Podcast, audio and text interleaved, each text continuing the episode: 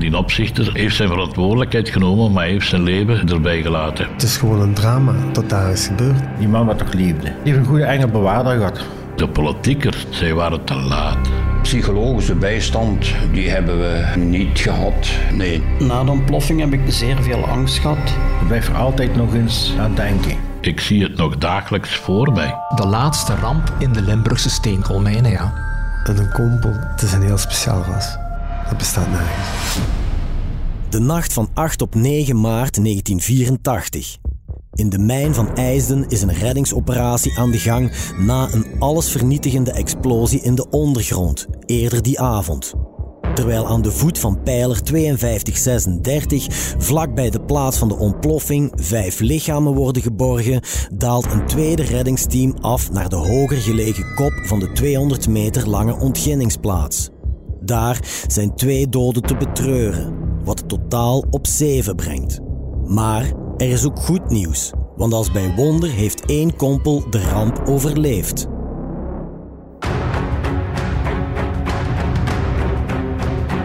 Van de Bijbelse apocalyps tot Hollywoodfilms over allesvernietigende catastrofes. Al sinds het begin der tijden rijgt de mensheid haar bestaan aan elkaar met rampspoed, in alle mogelijke vormen en gedaantes. Onbedwingbare natuurkrachten zijn vaak de oorzaak. Maar ook het handelen van de mens zelf ligt dikwijls aan de basis van dodelijke rampen. Denk maar aan ontelbare oorlogen. Of aan de miljoenen slachtoffers van branden, explosies en andere noodlottige ongevallen met een fatale afloop. Onze provincie blijft niet gespaard, zo zal u merken in deze reeks over Limburgse rampen. Telkens opnieuw nemen we u mee naar de plek van het onheil en reconstrueren we minuut na minuut het hele gebeuren, samen met zij die erbij waren. Ik ben Geert op Teinde en ik ben graag uw gids in het rampenplan. De hel van IJsden, deel 2. Een miraculeuze redding. Ik ben Gerard Keuren. Eh, ik maakte deel uit van de reddingsbrigade van IJsden, maar eh, mijn functie was opzichter pijler. Iedereen was toch kameraad, welke nationaliteit of wie of wat. Dus er was niemand dat zei, gij wacht of dit. Iedereen was gelijk. Had je problemen, had je Marokkaan bij of een Turk bij of hetzelfde wie, je werd geholpen. En dat vond ik schoon in de mijn. Want ik ben eerst aan andere fabrieken geweest. Als je daar pas komt, denk je, wat, is dat hier toch? Die afgunst, dat bestond in de mij niet. Zo gauw onder was iedereen hetzelfde. Iedereen helpte iedereen. Had iemand problemen, die klaar kwam, oh, kom maar. Dus dat was de mijn. Kompel is nog altijd een woord dat bij mij eigenlijk eh, nog regelmatig voorkomt. Eh, de vriendschap, dat vind je nergens. Uh, deze vriendschap die ik daar heb gehad, iedereen is zwart en je ziet niet uh, welke huidskleur dat heeft. En je hebt elkaar nodig. Dus ik zeg het, het is een vriendschap uit de duizend. We waren kameraden, we waren vrienden onder elkaar. Welke nationaliteit dat men ook had. In de mijn was geen racisme. Hoe kwam dat? We hadden elkaar nodig. En dat smeet je ook vriendschapbanden. Dus in de koolmijn was geen racisme. Hè, want we moeten denken, in de Limburgse koolmijnen werkten 52 verschillende nationaliteiten. In de mijn, iedereen die sprong voor elkaar te helpen als er iets gebeurde.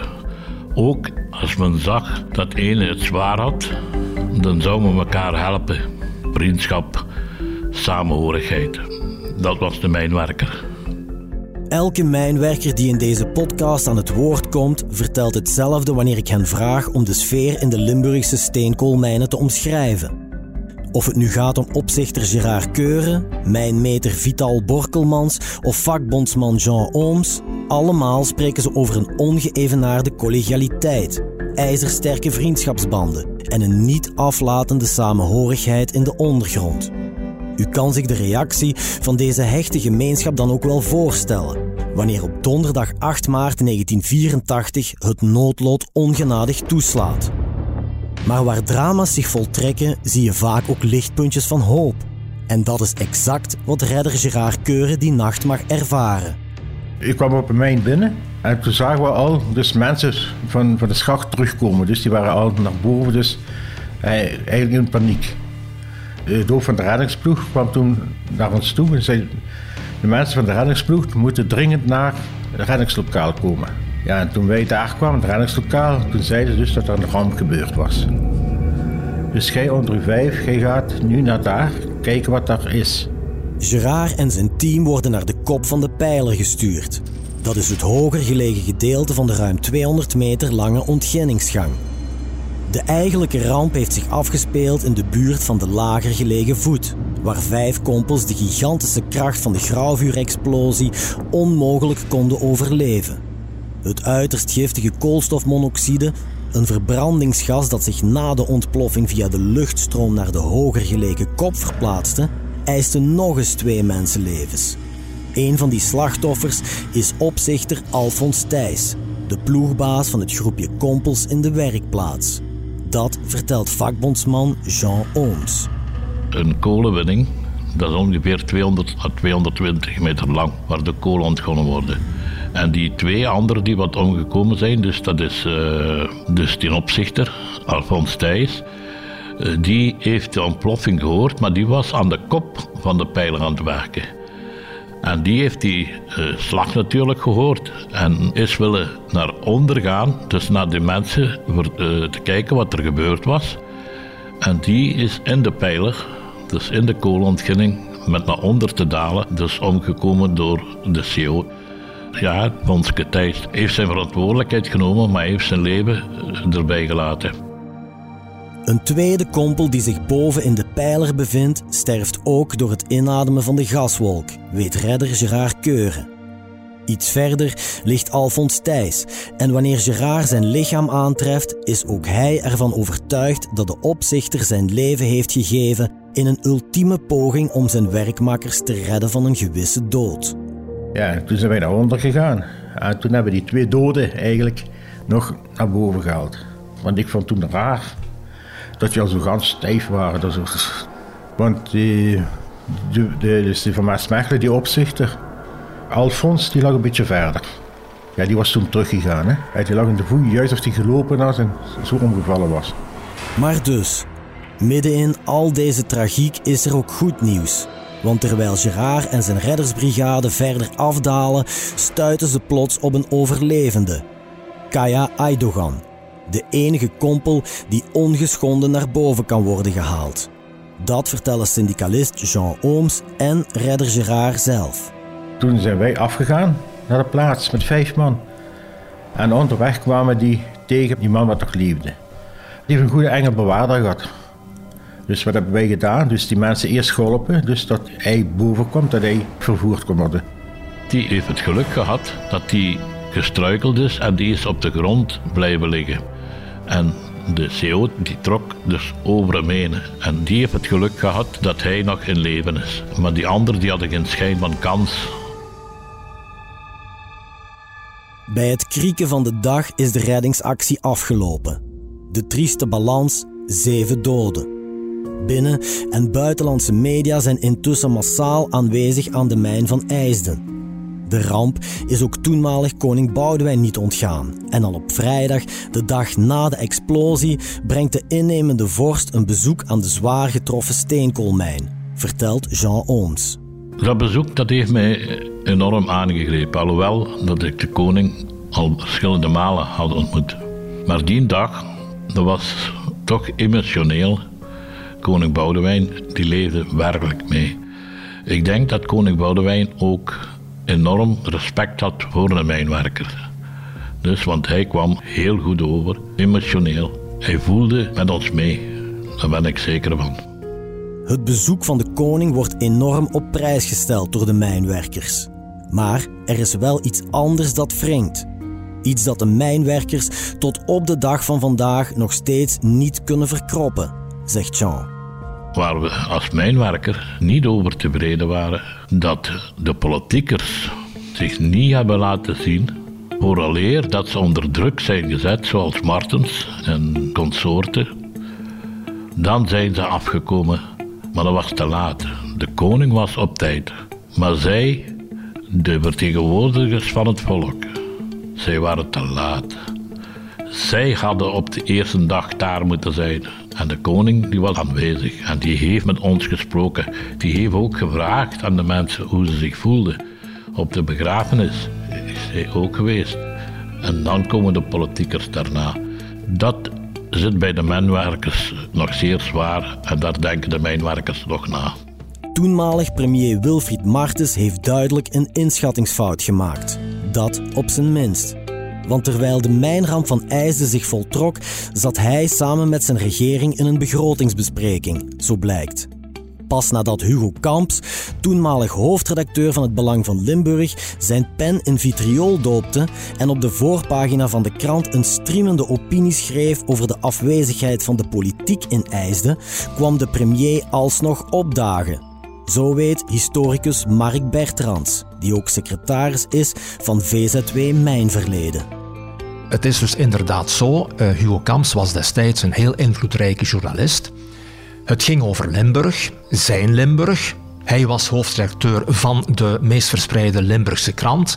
En dan komt zoiets op de voorpagina waar in feite de toenmalige minister van Economische Zaken Mark Eiskens, de premier Wilfried Martens, de minister van Landsverdediging Vreven, die ook een Limburger was, die werden daar rechtstreeks aangesproken. Dus die voelden zich wel onder druk gezet en in feite terecht. Terwijl premier Martens dan toch naar de mijn van IJsden afzakt, hebben de kompels wel wat anders aan het hoofd. Zij proberen met de beste wil van de wereld het verlies van hun collega's te verwerken. Maar dat is alles behalve een makkelijke opgave, herinnert Jean Ooms zich. Want de angst dat dit nog eens kan gebeuren slaat heel wat kompels om het hart, zo blijkt. Ik denk dat het gevoel van de mijnwerker was, zij treurde mee. Ze, ze, ze voelen dat aan. Uh, ze gingen wel, daar ben ik van overtuigd, wel wat uh, meer opletten op de gascontroles. Maar het leven gaat verder. En zo is dat in de mijn ook. Uh, je voelt er wel mee, je bent voorzichtiger, je praat erover. En door erover te praten, denk ik ook dat de meeste mijnwerkers zich eroverheen hebben gezet. Er zijn er ook die ontslag hebben genomen. Dat ze stopten door angst. Er zijn er die bij mij geweest zijn op het syndicaal kantoor. Bij enkele heeft dat toch iets nagelaten, denk ik. Na de ontploffing heb ik toch wel uh, zeer veel angst gehad. Moest dat nog eens gebeuren? En ik denk dat het bij veel mensen gezeten heeft. Hè. De angst dat zo nog een ploffing kan gebeuren. Hè. Ik ben er zeker van dat ik allee, ieder, ieder moment ging controleren of er wel gas was of, of, of je ruikt het niet. Maar dan denken van, is er iets? Of, of je ziet daar muizen plotseling weglopen. Hè. Ja, is er iets? Is er, is er dan toch gas? Je gaat dat dan dikwijls controleren. Hè. En daarvoor, kan je kwaad. Kan niet gebeuren. Hè. Dat gebeurt hier nooit. Hè. U hoort mijnmeter Vigo, die samen met profvoetballer Vital Borkelmans een vast team vormde in de ondergrond van IJsden. Op dinsdag 13 maart, vijf dagen na de ramp, wordt het tweetal naar beneden gestuurd om de schade op te meten. Wat ze daar aantreffen, vertellen Vigo en Vital zelf. We zijn dan de dinsdagmorgen, kregen we dus de opdracht van daar terug naar die werkplaats te gaan. Daar moesten terug maten uitgeschreven worden. Locaties aangeduid waar men de lichamen gevonden had, moesten we aanduiden. We zijn dan ook eens gaan kijken wat de ontploffing aan ravage had aangebracht. Ik herinner mij dat daar natuurlijk machines waren omgekanteld. Rieminstallaties lagen allemaal op een hoop. En ik herinner mij, daar lag misschien 20 tot 30 centimeter stof op de grond, op de steengang. Alles was pikzwart. Dat kan ik me dan nog van herinneren. De dinsdag zijn we moeten gaan werken, opmeten. En het was uh, heavy, want wij, ik denk dat wij heel weinig tegen elkaar hebben gezegd. Uh, ja, je gaat dan naar beneden toe en je weet dat daar een ontploffing is geweest. En je weet niet, je gaat je nooit voorstellen hoe gaat het eruit zien. Maar op het moment dat je daartoe komt, dat, dat weegt tonnen, dat ijzer wat daar is, dat weegt, dat weegt. Kunnen met twee mensen niet opdragen. Dus dat is dan gewoon weggeslaan. Uh, die warmte die daar uh, moet zijn geweest, dat, dat moet de mens zijn geweest. Het is jammer genoeg altijd um, tot het een menselijke fout is. Als, als je weet um, dat de gevaren er zijn.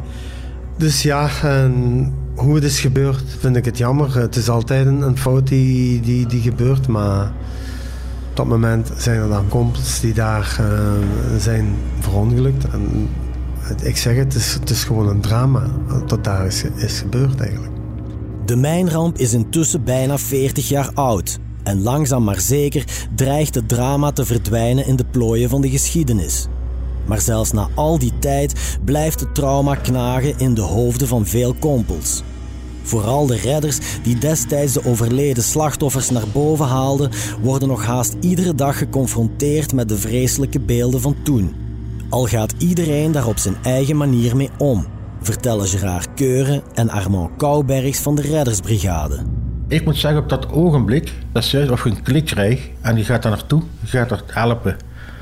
dus ik denk dat het heel veel aan de training ligt. En dat zelf een klik krijgt, dat zeg je dan, je weet, dat moet je doen en dat doet je. Maar daarna, de rand, als je thuis ja, dan begint die film te draaien, ja, wat er eigenlijk... Ja, want dat is nu nog soms, na zoveel jaren, dus dat je nog eens daaraan, daaraan denkt. En normaal zou ik zeggen, het is om, maar je blijft er altijd nog eens aan denken. Dus die film komt nog altijd eens, eens op. Maar zo, moet ik zeggen, ben ik er goed overheen gekomen. Maar dat komt ook, ja, tot je veel vertelt. En we hebben nog zo'n klein clubje, dus hier in Nijs aan de statie komen zo de mijnwerkers toch samen. En er wordt dan zo over gepraat, wat er gebeurd is en zo. Dus en dat, want dat zei ik gisteren tegen de vrouw weer. Dus als zo ergens een ramp is, hè, die krijgen allemaal bijstanders zo. Maar bij ons is... Ik heb niks gezien eigenlijk. Geen begeleiding gehad. Dus daar is niet meer over gesproken geweest. Het ging gewoon verder. Om is om. En dat is een beetje raar. Psychologische bijstand, die, hebben we uh, niet gehad. Niet gehad. Uh, nee, nee dat, dat was niet ingebakken in, in de... Ja. Soms is het leven hard, hè. Ik zeg nu nog altijd die beelden van aan die voet van die pijler daar, waar, waar die mooie gevallen zijn. Voor mij is het, uh, is het een moment van mijn leven ja, dat ik nooit meer zal vergeten. Dat uh, zijn vrede zaken, maar die blijven nu bij. Het leven gaat verder. Hè. Maar je moet voor je eigen proberen als verantwoordelijke zoveel mogelijk in veiligheid te werken. En dat men u niks kan verwijten. Hè. Dus, uh, en dan ben ik gelukkig in gelukt, denk ik. Ook Jean Ooms, destijds vakbondsafgevaardigde en vandaag voorzitter van VZW Mijnverleden, een vereniging die een waterscheid mijnerfgoed levend houdt met een museum, draagt nog steeds de sporen van de ramp die aan zeven mensen het leven kostte. Maar tegelijkertijd probeert Jean samen met zijn secretaris Mark Bertrands ervoor te zorgen dat ook de vele andere slachtoffers die vielen in de Limburgse mijnen nooit vergeten zullen worden in mijn gedachten, ik zie het nog dagelijks voor mij, hè, wat daar gebeurd is. Uh, ik heb in mijn 26 jaar en uh, zoveel dagen heel veel meegemaakt. In de mijnnijverheid zijn ongeveer 930 doden gevallen. Ja, wij mogen van geluk spreken. Hè. Eén dode is te veel. Maar wij hadden op het laatste gemiddeld één dode per jaar, waar niks over gezegd wordt. En dat vind ik altijd spijtig, wordt niet over geredeneerd. Het moet altijd een ramp zijn en dan wordt er over bericht. Maar ik vind dat die ene dode evenveel rechten heeft van geëerd te worden. En dat gebeurt hier wel. Hè. Dat gebeurt nu sinds jaar of vijf hier in het mijndepot wel. Ongelukken zijn er altijd geweest. Kleine ongelukken, soms zelfs misschien incidenten of ongevallen, maar ook rampen. Ik denk dan bijvoorbeeld om een vergelijking te kunnen maken aan de mijnramp van Waterschei van 1929. Daar waren enkele tientallen doden. In IJzen waren er zeven en het was de laatste ramp van die omvang in de Limburgse steenkoolmijnen. Ja. Dat typeert toch de, de, de zwaarte van het werk en de risico's die eraan verbonden waren onder in de mijngangen.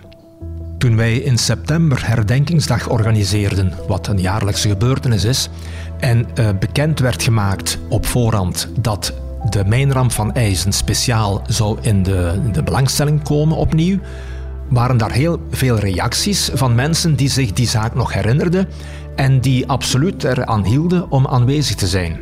De burgemeester van Maasmechelen hadden we speciaal uitgenodigd, heeft hier ook zijn redenvoering gehouden. Dus uh, ja, die ramp werd nu in september compleet opnieuw herinnerd. Met eerbied voor die mensen die omgekomen zijn. Vital Borkelmans en zijn collega Vigo ten slotte kijken met een dubbel gevoel terug naar het verleden. Ja, het was enorm pijnlijk om zoveel collega's te moeten afgeven. Maar ook, de mijn heeft hen gevormd tot wie ze geworden zijn. En dat is iets wat Vigo en Vital zullen blijven koesteren. Vandaag, morgen en voor altijd. Ik ben wel fier dat ik kan zeggen dat ik een van de laatste generatie mijnwerkers ben die nog in de Limburgse steenkoolmijnen gewerkt hebben. In die twaalf jaar zijn er minstens twintig mensen overleden in de ondergrond van IJzen. En dan tel ik nog niet eens de zware gewonden. Allee, dan mag ik toch wel van geluk spreken dat mij daar niks overkomen is. Ik zeg het, koolmijn, ik heb daar heel veel aan te danken uh, wat ik uit mijn carrière heb gehaald. Dat is dankzij dat ik dat heb mogen meemaken. Mijn werk, niet het verlies van mensen, maar werken in de koolmijn. Maar ik zeg het, een kompel blijft een kompel, blijf ik altijd zeggen. En het is, het is een heel speciaal ras. Dat bestaat nergens.